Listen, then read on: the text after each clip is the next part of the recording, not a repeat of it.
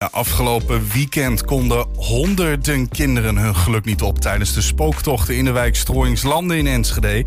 De organisatie keek er met veel plezier op terug en denkt erover om volgend jaar nog grootser aan te gaan pakken. Ja, er hadden namelijk nog meer mensen mee willen doen, maar daar was nu eenmaal geen plek voor. Wat blijkt nou, in Strooingslanden zijn zoveel gegadigden voor wijkactiviteiten. Eerder regel dan uitzondering, maar hoe kan dat? We praten erover met bestuurslid van de organisatie Stichting Smileyveld, Marco Scheer. Goedemiddag, Marco. Goedemiddag. Ja, wat voor een club zijn jullie eigenlijk? Ja, dat vraag ik me ook wel eens af. We zijn uh, voor, een, uh, voor een jaar of 15 terug als ouders van uh, rondspelende kinderen in de buurt uh, begonnen om wat activiteiten te organiseren. Op een terrein wat er toch al in de buurt lag, het Smileyveld. Wij kennen dat eigenlijk helemaal niet. Dus we gaan even terug naar het jaar 2000 zo'n beetje, zeg maar. Rond de tijd dat wij daar zijn komen te wonen. En dat is een groot terrein, een grote asfaltplaat... waar een paar lijnen op getekend stonden. Een tennisveldje, voetbalveldje, dat soort zaken meer. En daar stonden een paar containers bij. En we wisten eigenlijk helemaal niet wat daarin zat. Totdat de stichting Alifa daar wat mensen op ging zetten... en dagdagelijks stepjes en fietsen ging uitlenen aan de kinderen die daar kwamen spelen. Dus zodoende zijn we daarmee in, in aanraking gekomen. Op een gegeven moment zaten die containers dicht. Alifa hield ermee op om dat te exploiteren. En er gebeurde een hele tijd niks. Totdat er in 2007 het bewonersteam Strooingslanden werd opgericht. Dat is de wijkraad die toen actief was in de wijk. Uh, daar zat ik in. En toen hebben we gezegd: waarom blazen we dat eigenlijk niet nieuw leven in? Waarom gaan we weer geen activiteiten voor kinderen daar ontplooien? En zo zijn we met een aantal uh, wijkbewoners, ouders samen, zijn we dat weer op gaan zetten. Dat hoeveel mensen ongeveer? Uh, dat was in het begin met een groepje van een man of zes, acht. En eigenlijk was het alleen maar de bedoeling om dagdagelijks uh, spellen uitleen te doen. En het eerste grote activiteit was een kerstmarkt. Die zijn we begonnen. En daardoor het mooie weer, het begon namelijk keihard te sneeuwen een paar dagen voor die kerstmarkt. Uh, werd dat zo goed bezocht dat we zeiden van we moeten vaker activiteiten gaan organiseren. En van daaruit zijn we met paarse paaseieren gaan zoeken met kinderen. Er kwam al snel een, uh, een Sinterklaasintocht in de week waar we medewerking aan verleenden. En uh, een lampionnenoptocht voor Sint Maarten is eigenlijk uitgegroeid tot, uh, tot Halloween, zoals we dat afgelopen weekend gevierd hebben. Is het dan um, dat het zo gegroeid is? Ligt dat aan jullie als organisatie? Dat is een moeilijke vraag hoor. Of aan de, aan de wijk? Er is er gewoon heel veel vraag naar dit soort activiteiten? Nee, het, was, het is eigenlijk niet zo'n hele moeilijke vraag. Waar wij al vrij snel als ouders mee besmet werden was het feit dat er niks in de buurt voor de kinderen te doen was. Er zijn in de wijk Strooingslanden geen sportverenigingen, geen speeltuinen. Dan moet je voor uitwijken naar andere plekken. In Strooingslanden zijn woonden op dat moment en misschien nog wel veel mensen die eigenlijk niet voldoende geld hadden om hun kinderen te laten sporten. Het kost nou eenmaal veel geld. Ja. En wij wilden als ouders iets doen om die kinderen te activeren, om iets leuks met ze te gaan doen. Eh, op een gegeven moment kom je dan andere gelijkgestemden kom je tegen. En die willen dan ook wel graag iets organiseren. En dat is, ja, langzamerhand zie je dat het succesvol is en wil je steeds groter. Ja, als je dan ook nog een paar vrijwilligers tegenkomt die eigenlijk uh, een steekje los hebben, zeg maar. En zeggen van laten we het nog iets groter proberen en nog iets leuker proberen te maken. En daar bereid zijn tijd in te steken.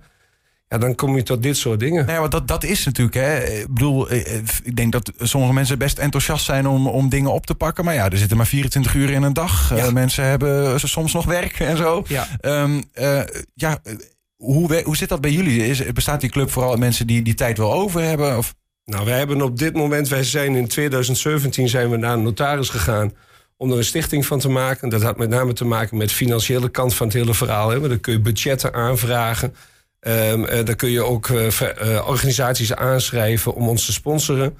Om het mogelijk te maken om kinderen zo goedkoop mogelijk dingen mee te laten doen. Ja. Zo'n horrortocht, zo'n spooktocht kost een kind 1 euro om mee te doen. En dan krijg je alles. Dus dan, dan hou je de kosten laag, zeg maar.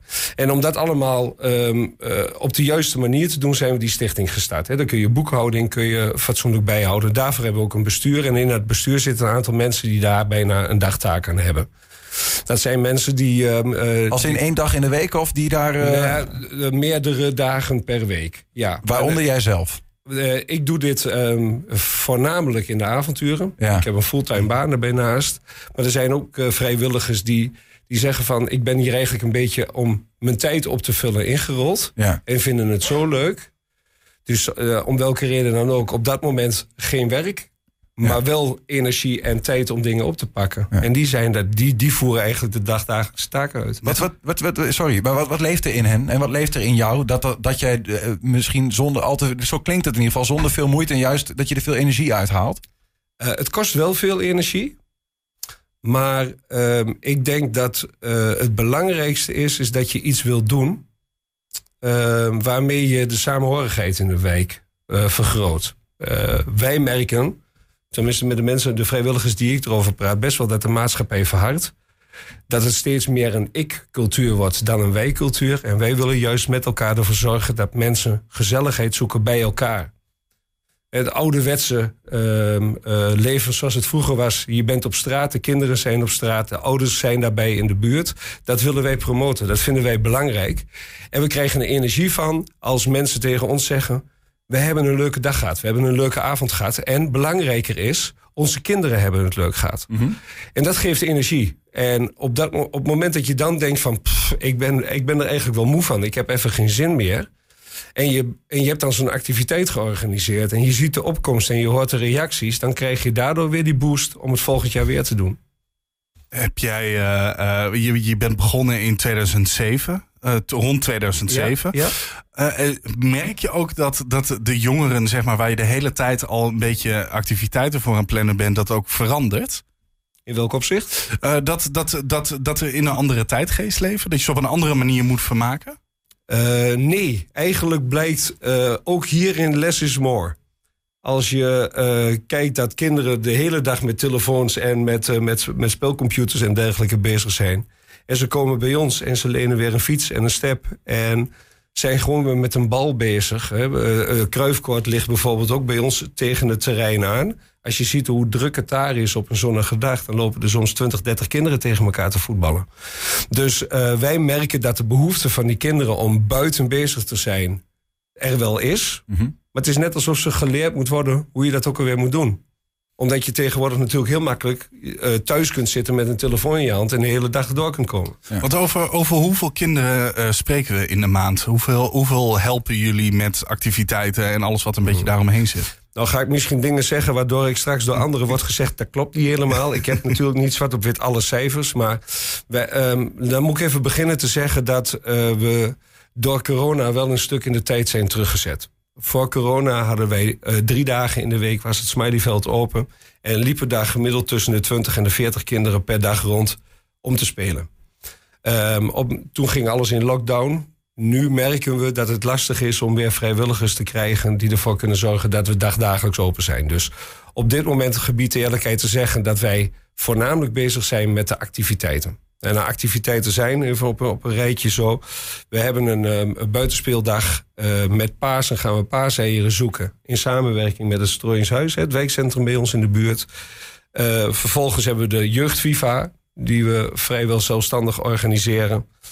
Um, Halloween. En wij, zoals ik al zei, dragen ook bij aan de Sinterklaasintocht in Strooienslanden. Dat zijn voor ons grote activiteiten. Daar komen ook veel mensen bij kijken. Halloween organiseren we met tussen de 50 en 75 mensen. Krijg een beetje een beeld van hoe groot dat is. Ja, en het, het moet uh, groter. Mensen, wij horen Halloween, waar uh, sommige mensen zijn, uh, moesten teleurgesteld worden omdat er niet genoeg plek was. En ja. dan wordt er de wens uitgesproken. Nou ja, misschien de, de kom, je komt op een, op een level dat je zeg maar enorme activiteiten gaat organiseren. Ja. ja ligt er ergens een grens of zeggen jullie van, nou ja, zolang iedereen, dan komen ze ook uit de helemaal hoek, maar hartstikke idee. Nou, de grens ligt natuurlijk wel op het moment dat er zo'n grote file in het bos ontstaat... dat je niet meer van een horrorbos, maar van een snelweg praat. Ja, ja, ja. ja. Dus... Um, uh, kan ook horror zijn, ja. De grootste, ja, de grootste uitdaging zit hem erin... om uh, ervoor te zorgen dat met die grote groepen mensen... je voldoende um, tijd hebt om al die groepen het bos in te sturen. Ja. Dat je ze vermaakt, dat het veilig blijft... En uh, dat iedereen aan het eind van de avond nog steeds zegt: We hebben een leuke avond gehad. Waarbij de vrijwilligers niet twee weken later nog in bed liggen om bij te komen. Dus uh, het ja. zijn. Hè, we, we, willen. Als je, als je zou willen, zouden we denk ik wel duizend man kwijt kunnen. Ja. Maar het Strooiingsbos, waar we dit organiseren, is daar niet groot genoeg voor om te beginnen. En hoe groter je wordt, hoe professioneler je gedwongen wordt te worden hoe meer, hoe meer je van de schermen verliest Ja. van, van zo'n van zo'n Ja. evenement. Ja, snap ik. Ik heb er echt nog één slotvraag. En het is best wel. we- Want wat intrigeert is natuurlijk dat je zegt van. van ja, we, we zouden wel duizend me- mensen. En er is gewoon heel veel vraag vanuit die wijk. Ja. Terwijl je, aan de andere kant zien wij hier regelmatig verenigingen aan tafel. eh, die eh, muziekverenigingen, scoutingclubs, weet ik veel. Die hebben moeite om mensen eh, te krijgen. Eh, die hebben daar geen behoefte aan, blijkbaar. Wa- Wat is dan het verschil? Dat er bij jullie ehm, toch behoefte is aan die, aan die communityvorming. En dat, dat, dat mensen daar ook niet alleen behoefte aan hebben, maar ook naar acteren. Dat ze komen en dat ze de vraag naar hebben. Om eh, de activiteiten waarbij wij zien dat de opkomst zo groot is, zijn gezinsactiviteiten. Ehm, eh, scouting is hartstikke leuk hè, eh, voor kinderen. Maar het is geen gezinsactiviteit. De kinderen gaan er naartoe, de ouders doen wat anders. En ik, ik denk dat het komt doordat je als gezin gezellig samen op pad bent op zo'n dag. Ja. De vrijdagavond die spooktocht, daar heb je het over 220 ingeschreven kinderen. Maar met de ouders erbij zit je aan de 500 man. Dat zijn grote groepen. Die mensen hebben het hartstikke gezellig. Je bent een, een uur, anderhalf met elkaar onder de pannen. Dus het is echt een uitje voor het hele gezin. Ik denk dat daar het verschil in zit. Ehm, en eh, ik denk ook wel dat het enthousiasme van de vrijwilligers en de manier waarop het neergezet is, doorslaggevend is dat mensen er met elkaar over praten. Ja. De reacties op Facebook waren: Oh, was dat afgelopen weekend? Wat jammer dat ik dat niet wist. Volgend jaar gaan we zeker. En dat zorgt er dus voor. hè, We dan binnen de- een week na, of binnen een paar dagen nadat we op Facebook kenbaar maakten dat we weer losgingen, was het evenement eigenlijk al vol. Ja. Moesten al mensen gaan Ja. teleurstellen dat ze er niet meer bij En dat versterkt elkaar natuurlijk. Als er veel mensen komen, is het toch leuker om eh, het te organiseren voor de, voor de club Ja, die er zin in heeft. Ja. Eh, we moeten het gesprek gaan afronden, Marco. Maar dank voor een inkijkje in hoe het bij jullie werkt. En misschien kunnen andere wijkverenigingen daar eh, nou ja, op een manier nog wat van meenemen. Ja, eh, hopelijk krijg je er nog wat vrijwilligers bij, dat je weer op dagelijkse basis dingen kunt die doen. oproep wil ik wel graag hier doen als het even kort mag. Hè. Als er mensen zijn uit de wijkstrooingslanden, maar ook van daarbuiten... die zeggen van ik heb tijd over, ik vind het leuk om activiteiten te organiseren.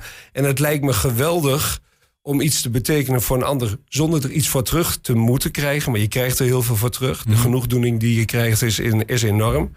Maar je zegt van ik heb tijd over, ik zou wat willen eh, organiseren. Neem eens contact op via secretariaatsmiley.gmail.com. En dan zorgen wij dat je wat leuks te doen hebt. Staat genoteerd. Dankjewel, Marco Scheer. Jullie ook bedankt.